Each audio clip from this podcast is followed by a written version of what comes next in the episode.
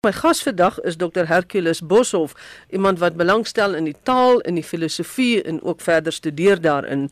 Dr Boshoff, ek het 'n interessante artikel gelees wat jy geskryf het en jy het gesê Afrikaans 'n herwinningsprojek.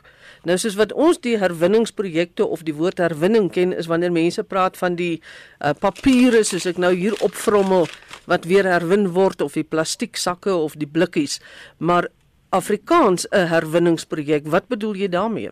Kort agtergrond, ek het so ruk terug 'n uh, bietjie begin dink aan die paar uitsprake wat nou gelewer is oor oor Afrikaans. Karel Skooman se een boek byvoorbeeld is die laaste Afrikaanse boek en al hierdie tipe van goed. En ek het net gedink, jy weet maar, dit net soos by byvoorbeeld by plante of by soos jy nou inderdaad ook na verwys by papier en so dat iets iets kan byvoorbeeld in 'n sekere vorm ek kan nie sê heeltemal tot niet gaan nie maar dit gaan deur 'n fase waar waar dit in 'n nuwe fase inbetree. En ek het net maar gedink taal is is iets soortgelyks jy weet waar dinge weer herwin word en waar sekere bewegings tot niet gaan en nuwe nuwe dinge tot stand kom. En ek ek het 'n gevoel dat ons weer so 'n fase betree waar ons ons nuwe nuwe goed moet bedink Nou wanneer mense nou weer kyk na herwinning soos ons dit ken, dan dui dit op dat iets is nou gebruik, 'n stukkie plastiek of 'n blikkie, dit is nou nie meer bruikbaar nie vir die oorspronklike doel nie. So dit word weggegooi en saamgepers en dan word iets anders daarvan gemaak. Is dit wat met Afrikaans volgens jou aan die gang is, soos wat ons dit gebruik het? Is dit nie meer gebruikbaar nie? Ons gooi dit weg, ons moet nou iets nuuts maak. 'n mens kan iets daarvoor sê. Ek dink en dit is daar's verskillende redes daarvoor. Ek dink ons almal is bewus van die die hantering van Afrikaans deur die staat. Ek dink ook 'n mens kan in elk geval nie meer uh, die voortbestaan van Afrikaans, ek is nou jammer om dit te sê, maar uh, as 'n gegewe aanvaar nie. So 'n mens moet noodwendig ehm um, en en in elk geval nie in die forme waarin dit bestaan het uh, struktureel en dan natuurlik inhoudelik uh, ook nie. So die vraag is dan nou indien 'n mens dit nie kan om omskep en dis ook vir my 'n mooi woord die woord omskep in iets wat dit nog nie was nie dan sal die taal uiteindelik tot niet gaan maar terselfdertyd um, is die woord uh, ek dink ons het ook uitstekende voorbeelde uit die geskiedenis veral jy weet in die ontstaan van die taal en manier hoe ouens hulle self georganiseer het in verskillende gebiede en verskillende areas en verskillende groepe wat met die taal dinge gedoen het. So in daai manier kan ons ook iets leer uit die verlede. Ehm um, so herwinning het het natuurlik die betekenis van om iets iets te gaan haal, maar ook om ook om iets nuuts te maak. So dit beteken nie noodwendig dit moet eers afgetakel word nie voor jy kan herwin nie. Ek dink die die aftakeling is op 'n manier iets wat gebeur. Jy weet, dit gebeur rondom ons, maar ek dink ook byvoorbeeld aan iets soos kom ons sê 'n boereraad of so iets. Jy weet daar daar's 'n sekere gewoonte wat wat aangeleer het en in die taal ook. Die taal is 'n baie organiese ding. So daar is noodwendig goed wat wat gaan uh, hulle gebruikswaarde verloor en in die vergetelheid in inval. Maar dit beteken nie 'n mens kan nie weer daarna toe teruggaan en en iets nuuts kry en 'n nuwe koppeling maak wat eintlik aangepas is vir jou konteks nie. Dit die moontlikhede bly eintlik oop. So in 'n sekere sin wanneer iets uit sy gebruik uit verval, hou dit juis nuwe nuwe moontlikhede in. So ek dink nie mense hoef noodwendig negatief te wees oor sekere goed wat uitgebruik uit verval nie. Mense moet gewoon nog steeds daarop ingestel wees om te kyk hoe mense dit kan kan gebruik. So ek as ek jou dan reg verstaan, sien jy 'n positiewe kant van Afrikaans as 'n herwinningsprojek. Is nie noodwendig um, negatief nie. Ja, nee, ek dink dit is goed dat jy dit so stel. Dit ehm um, soos met enige iets kan uh, jy weet kan dit uh, positief of negatief wees. 'n Mens moet ook dit, dit besef. Dit is waarom ek uh, dink dat 'n mens moet 'n sekere doel in gedagte hê. Jy kan nie net sê ek wil goed herwin nie. Ehm um, en dit is hoekom ek ook hou van die woord volhoubaarheid jy weet dat 'n mens dat 'n mens dink aan hoe jy wat jy herwin en wat is die doel daarmee? Hoe skakel dit in by die by die res van die uitdagings en hoe hoe lyk die toekoms van die taal? Wanneer sekere goed wat jy herwin en hoe jy dit omskep watter watter impak gaan dit hê en hoe hoe gaan dit mense beïnvloed? So 'n mens mens moet maar altyd van die positiewe en die negatiewe bewus wees en dat enigiets wat jy doen het maar altyd daai moontlikhede. Jy het nou verwys na watter tipe goed en hoe gaan jy dit herwin. Kom ons raak net vir 'n oomblik prakties. As jy 'n voorbeeld kan gee van 'n tipiese herwinning wat betref Afrikaans Ja, weet jy, ek het nou so ek was in so rit oor see gewees en jy weet 'n ou luister nou maar 'n bietjie musiek om jou nostalgie nou maar so 'n bietjie op te wek en uh ek het nou so die laaste jaar of so afgekom op die uh hiphop musiek veral, jy weet, en ek dink nou aan mense soos Churchy Media en Hemelbesem en sulke ouens wat jy weet heeltemal by verskillende bronne gaan goed uithaal en en en in hulle musiek bring. Die musiek is ook heel oorspronklik vir my en jy weet self van die ou gesegdes wat mense sou dit mense nou sou sê jy weet hierdie goed is nou nie van toepassing nie of kry gewoon nuwe betekenis deur dit met ander gesegdes te koppel en ek dink wat julle self op mee besig is op 'n manier by RSG is ook die ek weet nie of die Afrikaanse woord nou reg is die editing wat die wat die ouens doen in die media bedryf om goed op 'n in 'n collage-agtige manier bymekaar te voeg. Jy weet is deur die digitale en die inligting en al hierdie goed wat ons vandag mee sit is is eintlik bied vir ons 'n goeie geleentheid soos in die herwinningsbedryf ook om om sekere goed maar net te gaan opsoek en maniere te vind om die goed bymekaar te voeg. En ek dink die digitale ruimte, julle webwerf en baie ander webwerwe daar's eintlik uh, nuwe moontlikhede om om goed bymekaar te voeg en om met die goed besig te wees. Alhoewel ek dink daar's nog nie 'n heeltemal oorkoepelende plan en struktuur hoe dit alles bymekaar gaan kom nie, maar ek dink ons is in 'n geval in die fase waar ons hierdie goed kan begin dink.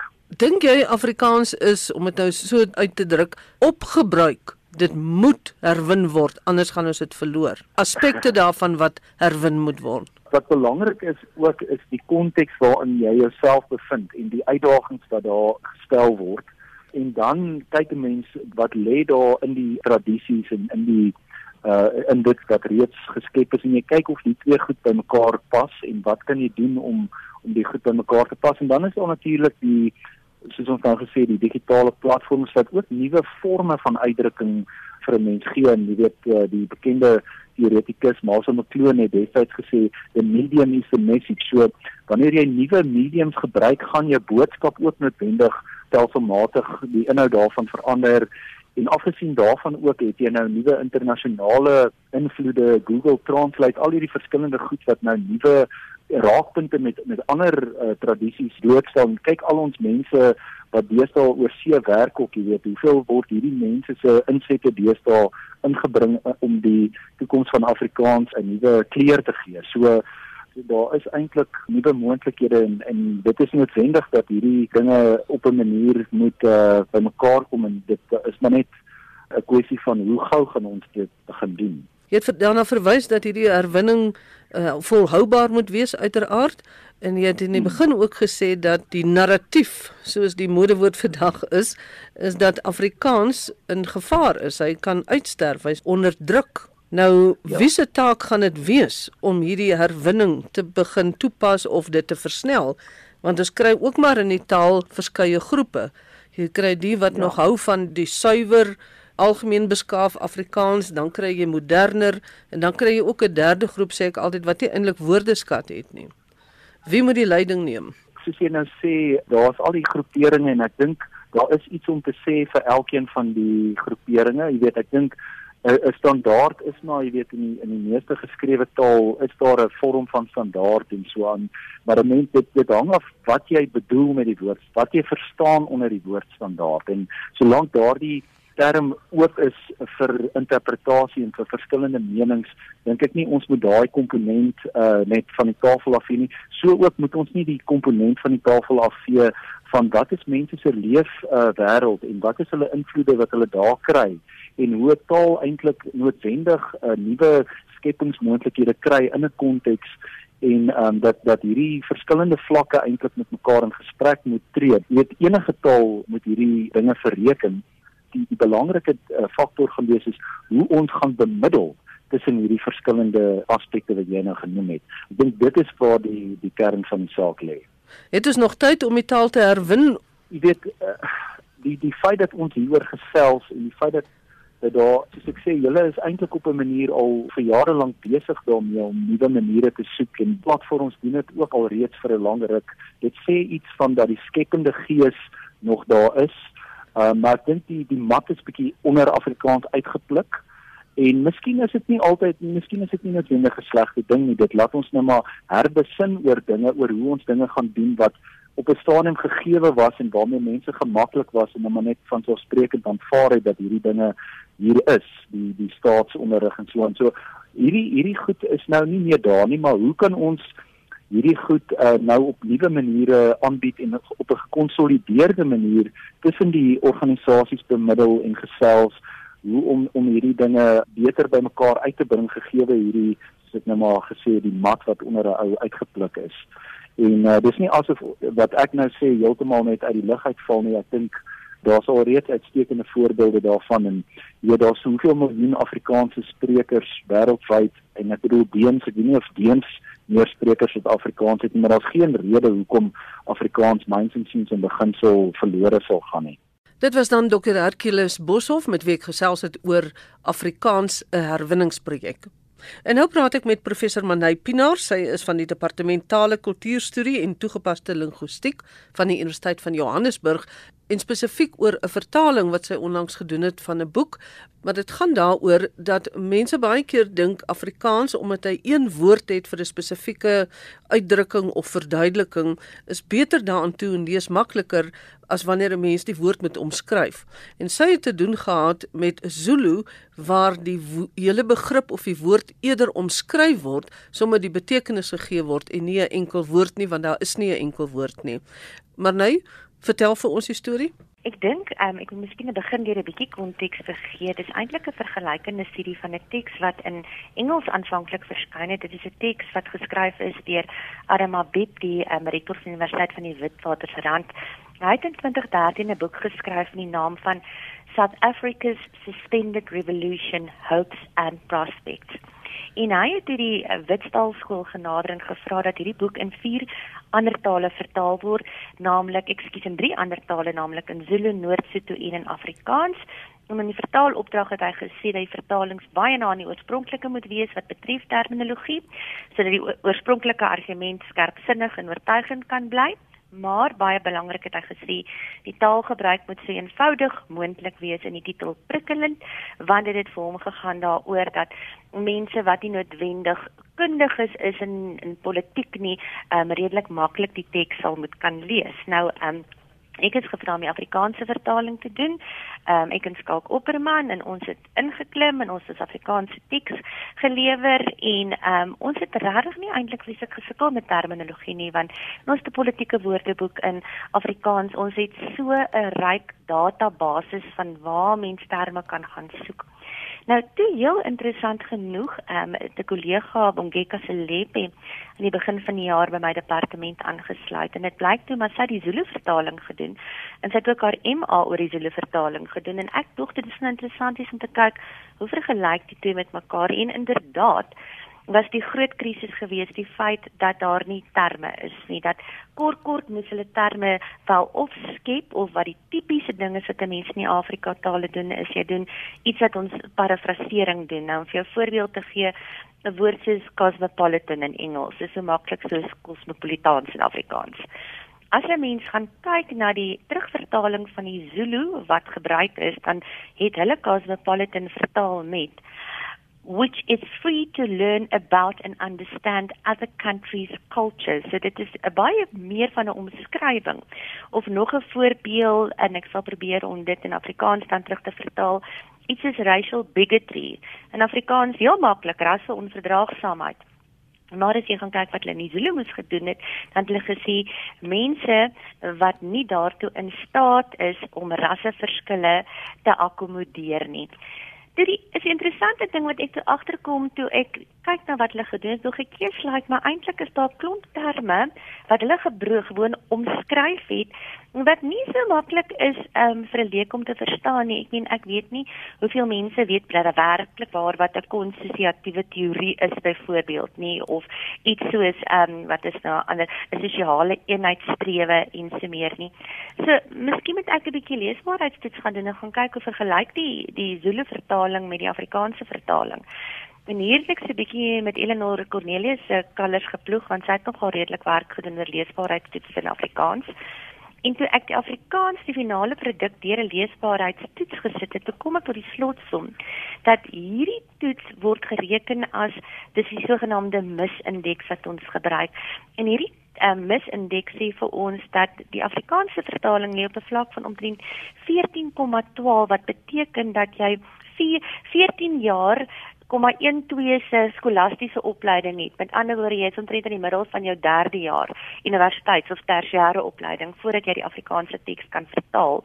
Terwyl as ek dan die Zulu ene gaan kyk, dan lê ons op 'n baie beter vlak van tussen 9 en 10 wat met ander woorde beteken 'n gemiddelde hoërskoolkind behoort die tekste vertaal en toe moet ek tot die nare konklusie kom dat my vertaling alhoewel daar 'n vreeslike pragtige teorie um, terme in opgeneem is nie naaste by so leesbaar is as die Zulu teks wat nie die terminologie gehad het nie en wat dus van omskrywings gebruik moes maak. Dit klink vir my nou na aanleiding van die voorbeelde wat jy genoem het mm. waar Afrikaans nou byvoorbeeld eers sal gaan of ons sal eers gaan in die woord naslaan mm. in 'n woord kry in 'n ja. tweetalige woordeboek en dan ja. gaan ons na die HAT vir die verklarende ja. woordeboek.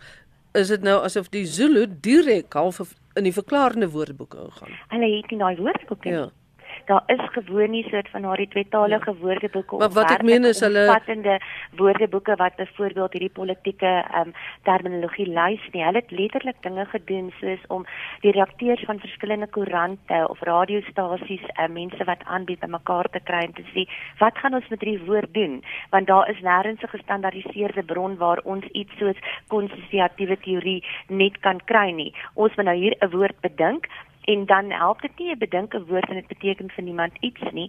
So jy gaan skryf, omskryf dit eerste en gaan sê dan liewerste baie mooi uitgebrei wat is 'n konsosiatiewe teorie en hulle sê byvoorbeeld omskryf dit dan en sê theories about cooperative association between diverse groups wat baie beter werk. Nou watter sou jy nou sê is die maklikste om te lees of die aangenaamste om te lees die omskrywing van iets of net 'n spesifieke woord? Ja, as jy een woord het en jy is redelik oortuig daarvan dat almal weet wat die woord beteken, dan wil jy natuurlik graag die een woord gebruik. Maar dis altyd die probleem in die oomblik as 'n mens bietjie vakgespesialiseerd moet werk. Ek meen as jy nie dink aan mediese terme. Ehm um, met ons almal weet wat 'n blinde darmoperasie is, maar dan het jy 'n soort van vakterme wat bietjie meer kompleks is. So verkieslik een woord, maar dan wil jy graag hê dit moet 'n woord wees wat almal mee vertroud is terwyl um, in hierdie geval is van die woorde in die Afrikaanse teks miskien woorde wat um, iemand wat nie noodwendig um, iets van politiek al weet of die vakterme ken nie moeilik gaan vind om te lees en in daardie opsig werk die Zulu beter.